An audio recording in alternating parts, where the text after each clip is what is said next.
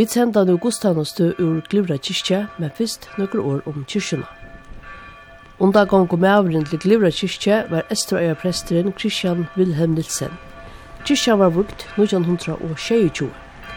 Fyrst i 80 årene var kyrkjan utbygd. I samband vi oppbyggingsna fikk kyrkjan nødja altartalve som Fritjof Johansen har gjørst.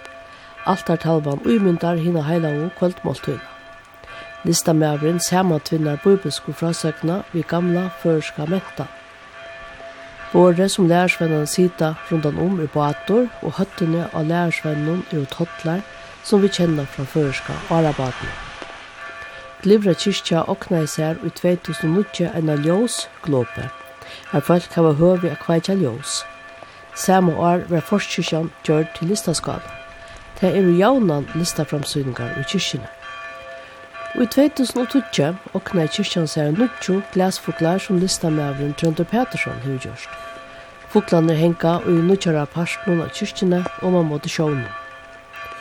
Tvei kår er i kyrkjene, det er kår Glura kyrkje og badna badnakår Glura kyrkje. Og salmaner i Sogne Vera er og fire prætiko, nummer 324, Tjater og Drotten er Diaskai, 241, kom til Guds heilige, skapande ande, og 631, tøyn frigjør skal ei vujtja. Og etter Pratiko, 323, og kristne to alt, og 676, hotli angel, fylkesveiner moin. Salmaner våro, 4 Pratiko, 324, 241, 631, og etter Pratiko, 323 og 676. Meinar Bjartalui prestur predikar, Tordis Langård i Deknor, vi orkle sitter Hilmar Jan Hansen, og klokkare er Hans Poulsen. Teknikar i utkirkene er Høgne Reiners Hansen.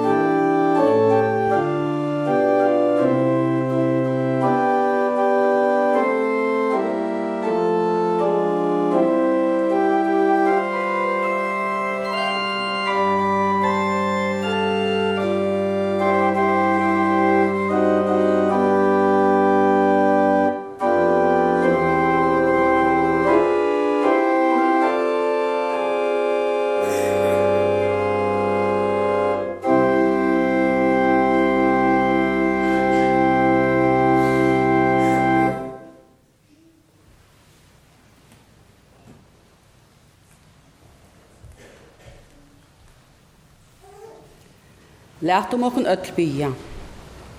Herre, er innkommen i hetta høyla i husstort at høyra. Hva du to, god fægir, skapare mun. Tu Herre Jesus, frelsare mun. Tu gode, høyla i ante. Ukkare mun i luive og deia vil vimme tala. Herre, åpna du nu såløyes vi tunnen høyla i anta, for Jesu Krist skuld hjertan mot at jeg av året tøynen kan lære at bli enker om synder mine, og i løyve og deie at trykva av Jesus, og kvønn det og i høyla og løyve og levna i abatna. Til høyre og bøn høyre god, for Jesus Krist. Amen.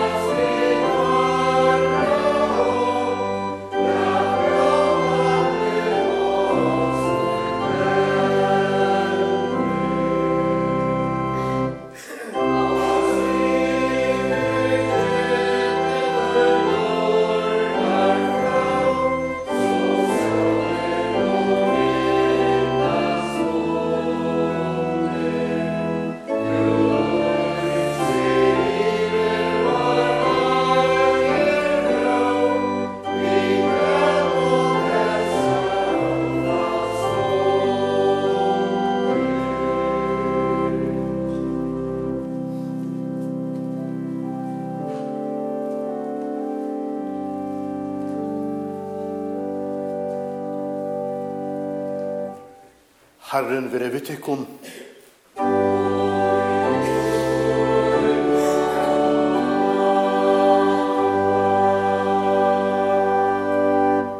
Lat hon okken at bia. Herre vår god, to som vi sine tunne Jesus Kristi, hevi bjerg okken fra evi og deia. Vi bia til, djev okken av nøye tunne, at sikva heson av sonnen, og i hesson forgangen i løyve er tænet her og i øtlom gåvun verste, mia vid liv i vånene om hit er vi jeg løyve, for såntun Jesus Krist var han herra, som vi her liver og ræver, og i øynleika heilava andans, og en sannur god om alter og æver adlar.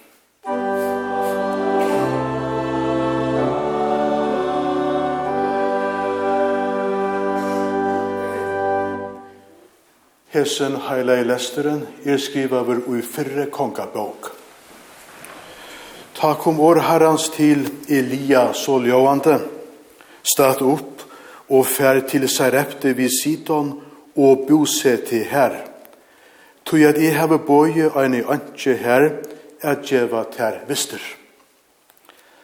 Han helt ha færsøyna til Sarepte.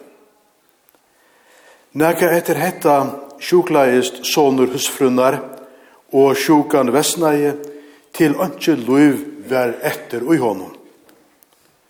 Ta malt i hon vi Elia. Kvæð hef vi evi ti at gjerra til godsmjaver.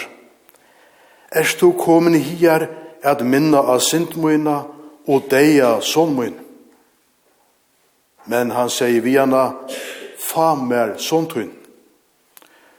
Og han tok han av fengje hennara og bæra han opp av loftet her som han høleist, og leie han ui rettjesøyna. Så han råpa han til herrans og sier, Herre god mun, atler tut her av olvara er færa så illa vi hesi antje som er giste tja, er to leter sjån hennar av dødja. Og han takte seg trutjar fyrir iver sveinen, og råpa i herran og seie, Herre, god let løyve koma atter ui henta svein. Og Herren hørte rødt Elia, og løyve kom atter ui sveinen, så at han levna i atter. Elia tog sveinen, og bær han av loften og nyer ui stovena, og han gav han møversøyne og malte, søy, sånner tunn liver. Ta malte konan vi Elia. Nu veit jeg av sånn at du erst godsmæver, og at år herrans og i munne tøynon er og sannleikje. Amen.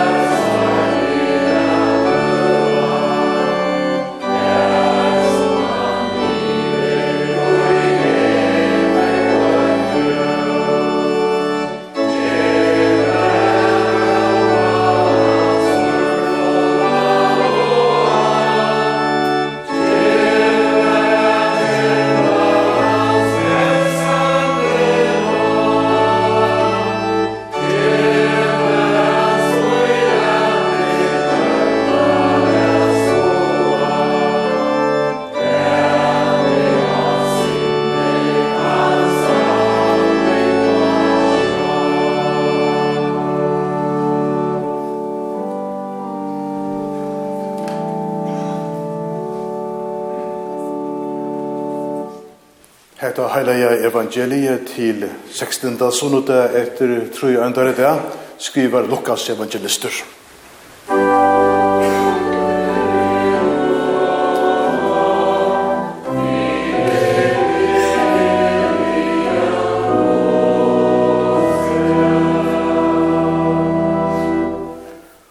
Og det hendte deg etter at Jesus førte lønne bygd som eitere nøyen, og flere av læresvein om hans herre, og en stårur mannaskære våre og i ferene vi honom. Men ta jeg narskaist bygdare linon, så i ta var ein deir boren ut, som var einaste soner kjamaursøyne, og hon var antja, og stårur skære ur bygdene fylltist vi henne. Og ta i herren sa henne, tøkte honom hjertelige sint i henne, og han sier vi henne, grat ikkje. Og han gikk fram med at lyk børende og nem vi henne, men tar som bøyre stekkave, og han sier, unge mever, jeg sier ter reist til opp. Og tanteie settes då ponter seg, og tok at hella, og han gav møver hans er han. Men øtte kom av ødel, og tei lov av god til å sette store profeter i risen opp akkara middelen, og god hever vitja folksutt. Og hese tøyende om han kom ut om alle judee og allar steier her ui nånt. Lærum okkur jotta okkara Kristu trygg.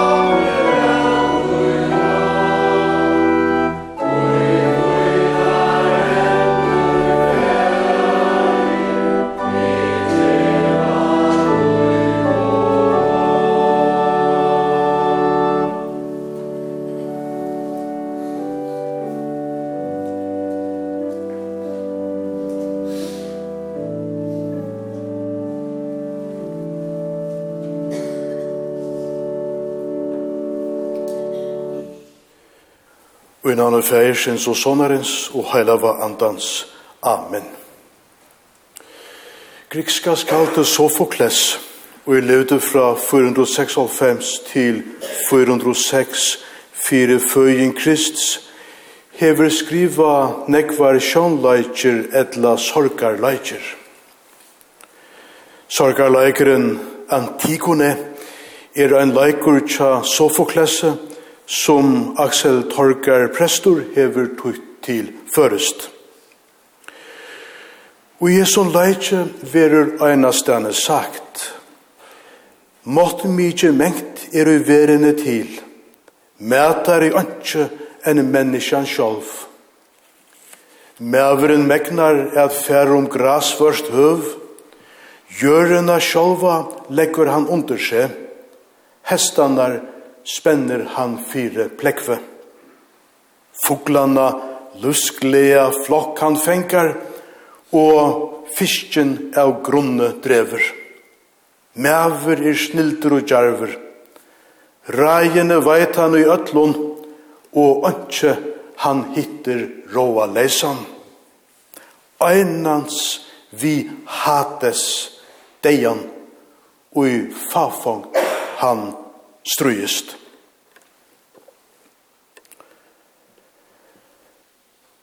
Menneska er sérstakur skapningur og øyer ikkje sunn lykka. Menneska veit fra seg sjolvena sia og kan vi vite og hofløye sønnen løysa ur lagte. Menneska hever lagt gjørende under seg og til er avveis at letja rymduna under seg. Men ikkje har gjerst meir og meira framkomme at kalla av ötlun ötjun. Forengar tidsast onkar at vera, og ferien er stor takknelige seg. Det er ikkje dæver at ikkje akkurst nytt, avkjent og forskunnigt kjemur ui ljósmalla hitt unalia og framkomna menneska hever tå ein høvus trobeleika. Manna løyve er avstøvet. Manna tilveran er avmarska. Fyredla sætne heldur løyve og pæt, og menneska døyr. Hetta ver trobeleikjen ui fotentøyene, og er trobeleikjen ui nutøyene tja nøymøtans menneskjanon og hetta ver manna neien av Jesu døvum, æsene hin dagen vi bygtar lije ui neien. Tvair skærar møttust vi bygtar lije ui neien. Ein staurur skær vi Jesus og læresvennene av åtta vera vi inn ui bygdina Ein stóru lykskare vera vi ut ur bygdene, tui gravstaveren var burstur fra bygdene. Ein meavur er besti aron var boren ut, som var einaste sonur maursøyna ui var atja Åra tætje sier, best som solen fakrast skuiner, deien inn om dittnar tryner. Sorgen gløymer onkan. Det er alltid onker og i verar av og syrkir miss. Sorg og missur er og parter av at elska. Kærløygen døyr ikkje, og minnene om at karst menneska liva. Om pynan minkar vi tøyene og sare lekist, virur arre verante. Det er og sare og i ongan tøy vera lekt. Vi vita fra daglige løven og egne løsrøntun okkara at ha i ein av okkara kær og døyr døyr æsne neka ui okkun sjálvun og vit er ja lukna vi kjertar fuklar. Ta kjennes så avverilet og høpeslest. Er dette en ringur dreimer, etla er dette veriligt og satt? Misseren skakar til veri okkara, og vit er som tidsin av foton. Etter en luttlare løte er alt brøtt, og er som det var aver, og vit er ikkje til somme. Ta i vit hava fyllt, og en av okkara kære, til ytsta mark, kan det være drutt at koma heimater. Fyrst kommer sorgen, og i nemer vi så nekvare strandjer i sinnen Så kommer lemjande sakneren. Hetta kan være manager og ar vi. Sorgargøtan er som et landslega. Hvor skyloft skifter alla tøyina. Ta lusnar og myrsnar, myrsnar og lusnar, tinger og latter. Trasten, ui er okkun sjau neio, og som vit æsene kunne veita øron, er mengan ikkje ein avus nøgt av åron, men ein fjolkhånd og ein åpen fauner. Trøsten er åra leis. Det snur seg om at vera. At trøsta er at tåra vera til stegar. Til a genga vegin sama vi taimum vi hava mist og samstundes asanna sutt egna måttleise og hjelparleise. Sættene veres sorgen lust og i åren kjenslun, hoksanun og minnun. Og en syrkjante ma sia fra hendingen i atter og atter, og sia som og søve flere ferir. At her onkur og gir tja og lustar, hever all ståran tutning. Menker hever asana, er hetta var gau hjelp, men at frieren, kvulten og gonguturaner uti ui Guds frye natture varu ikkje ikkje tydningarleis helter og i røyndene at venta seg mot løyvene av nutjon og framtøyene. Men hvor er reisen i Asana at kristna tryggven gav styrkje og helt øynene oppe. Løyve spurte og vånen sveraði.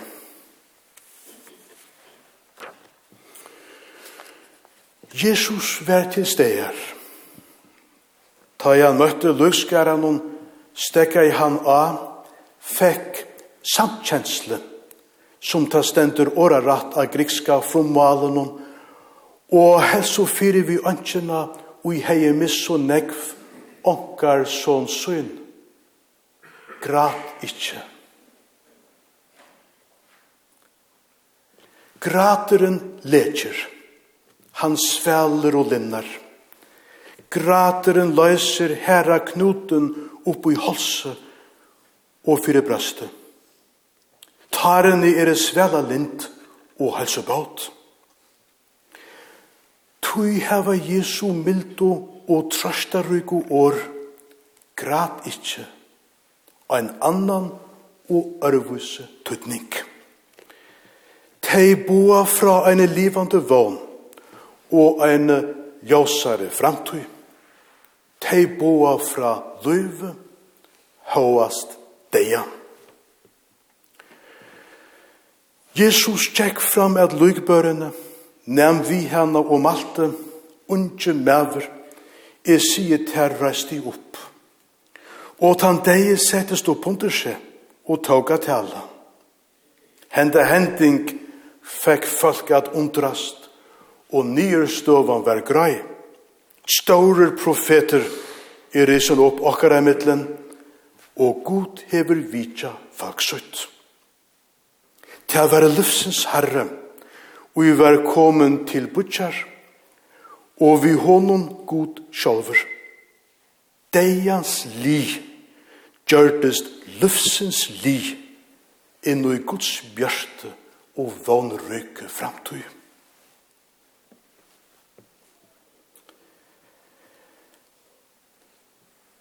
Hendingen vi bygta li og i nøyen, ta og Jesus vakti og en deian atur til løvs, stendur ikkje ansamall. Men skal suttja sama vi an i ærare stårhending, Jesu oppras fra deion påska morgon. Påska morgon var hin livant jo glekvande vånen født. Ta i en opprystende fressare, løtte liv og avforgansle leika fram i ljøsen. Henta vogn viser seg i sjånaringen om, teker om tilverina og røkker ut om deia og grøv. Så statt er det til hin kristna vånen og i varspar ljós at jeg avmarka jeg manna løyve og i vær trupeløyken i fagntøyene, og er trupeløyken i notøyene. Manna tilveran, hev fyrir Jesu Krist skuld, finnje even leikans dam.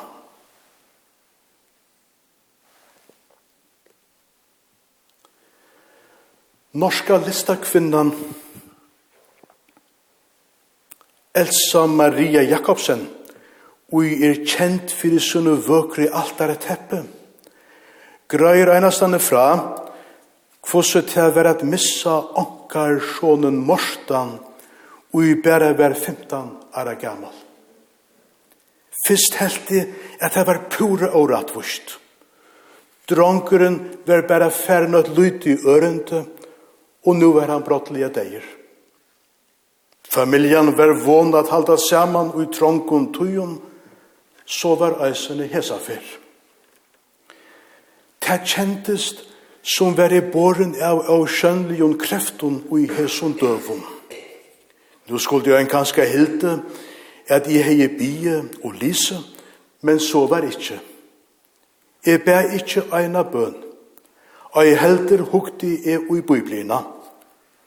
Hauast hetta kjente jeg med borna av hånden, og kunde letja meg rålige til kvultar om kvultanar. Nei, gau menneske var om meg, og jeg vildi ukka og hjelpa. Somme sendte mer brøv i bøybri og åren, og somme hjelpte mer vi tøy gerandeslia. Jeg minnest vi kærleika, ein og kvønn, og i vuste samkjensle. Ein prestur hei og ein er sagt, hvem er? at hei vekrast og altarteppene og i hei vove, vore hei vi vi jolblavun liton, vi tislun og tarnun. Sjolv hei i æsni hilde, at hei jeg skulde veva vi kvitun, vart hei og lidlest og tungt.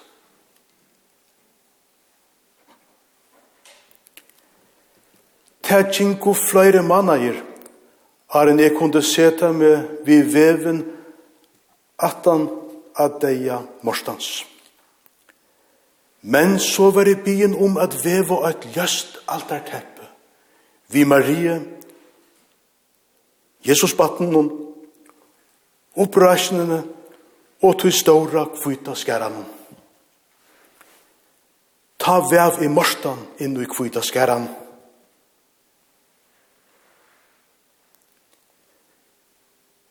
Ta myrska var horve, Nu kunti jeg veva løst.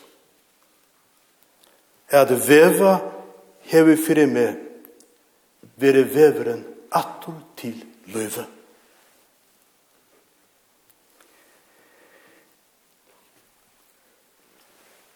Hin kristna vånen ui djever mannaløven om evenleikans tuttning og vire tekur eivita ikkje sorgina og saknen og om en kæran borster og en minne gatornar. Sorg og sakner er jo en lang tilgångt.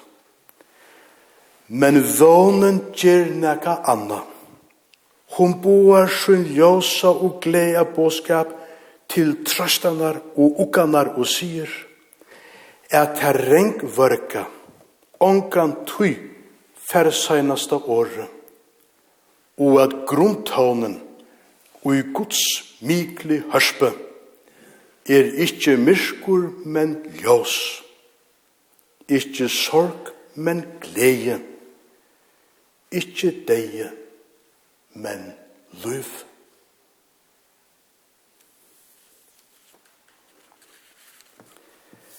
Er av er vere feiren og soneren og heile i anden, som til veri være og alt og om atler avver.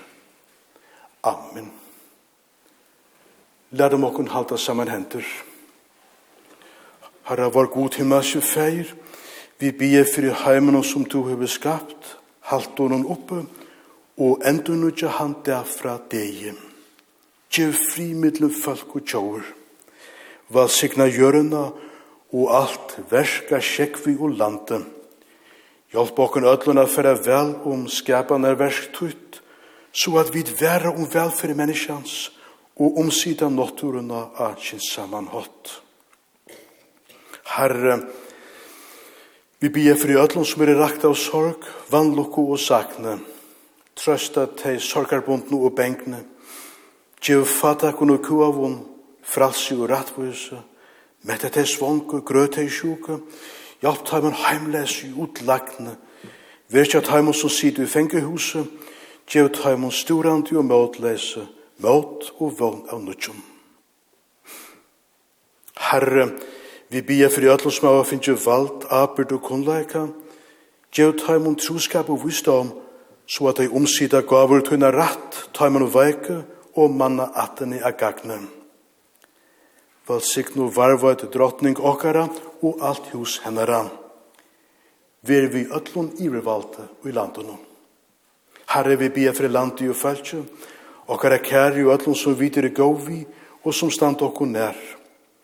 Halt vendar håndtuna iver okkur, frels okkur fra ætlom ytlom, gjev okkur styrst og vilja til at hjelpa hver øron. Herre, vi ber for kyrkjutunni her og allar stegir. Valsikne henne og endunutje henne vi andatunum, så at hon kan boa öllum menneskjum frelsandi årtutt. Gjev okken vera verant ut i fellesskapet som tog i dopen og sett i okken ui. Læt hina heila og kvaltmaltugina vera okken til styrkje og sikningar. Hjalp okken ötlun at tæna ter vi glede. Vi tjå okken taivu skulle dødja, løs fyrir taimon som færren er, læt hei kvila og i ljósunum fra asjon tøyne.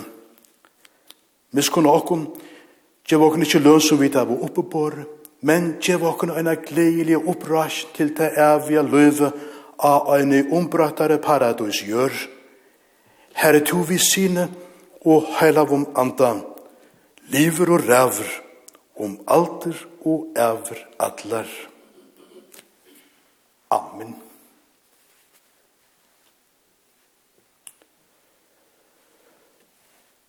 Så skal jeg sige fra at i annakvald klokkan 20 verur musikandakt og i glivra kyrkja. Talan er om eina meditativa løte som verar ui 30 minutter. Jón Magnus Johansen, orgeleikare, spelar meditativa tonleik av Frobenius Orgle, tever eisne skriftlester, bøn og salma sanker. Altså, musikandakt ui annakvöld klokkan 20. Kommande sunnedag predikar Havstein Klein her i kyrkjene. Så skal jeg si fra misjonshusen at i dag klokkan 16 vil familiemøte vi Annelise Rasmussen. Mandag 25. september klokkan 19.30 kommer sjåmannskvinnerinkeren sammen. Høstdagen 28. september klokkan 20 verur morgun kaffe vi lottøke av Alfred Olsen. Lærum okkur vi apostlen og innskjæk for øren. Herrens Jesu Krist nøye og kærløyde Guds og samfunnet heilig andans vil vi okkur ødlom.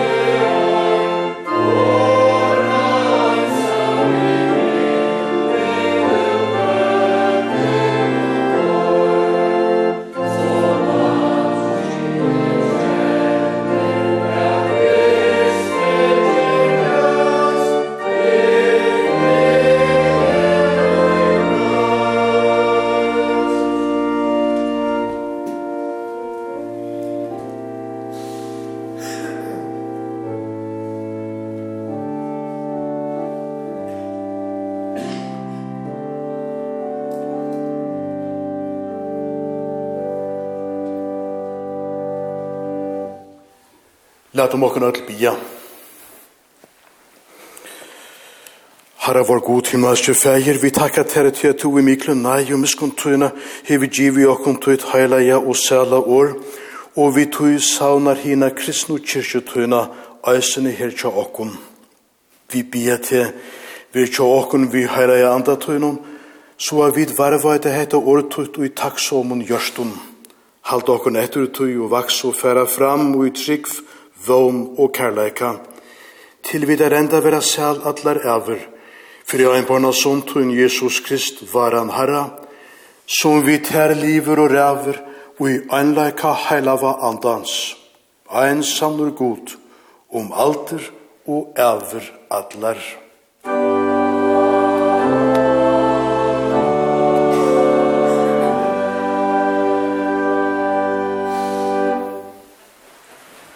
Herren valsigne til og varveide til. Herren let i anlitt sutt lysa ivri til og vere ter nøyr. Herren let i opp asjons søgna ivri til og djevet ter fri.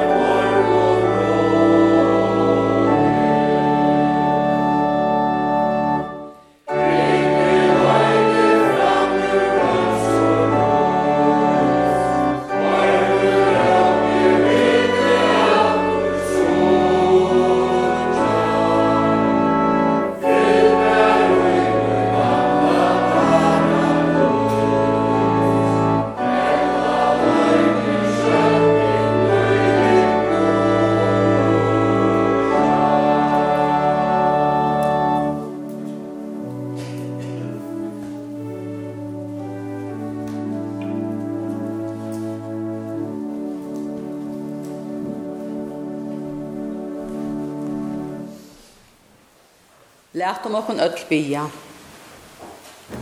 Herre, jeg takkje til her av öllum hjärsta munnen, fyrir at du hefur lært meg hva du vilt at jeg skal trykva og gjøre. Hjelp meg nu god munn, vi høyla i andatunnen, fyrir Jesu Kristus. At jeg må varvøyta årtutt og røynun hjärsta. Jeg tog styrstjast ut trunne, og i høyla vun levna i batna, og med vi til og i luive og deia ukka. Fægir var, tu som erst av himmel. Høylagt veri navn tutt. Komi rujtje tutt. Veri vilje tuin, som i himne, så a gjør.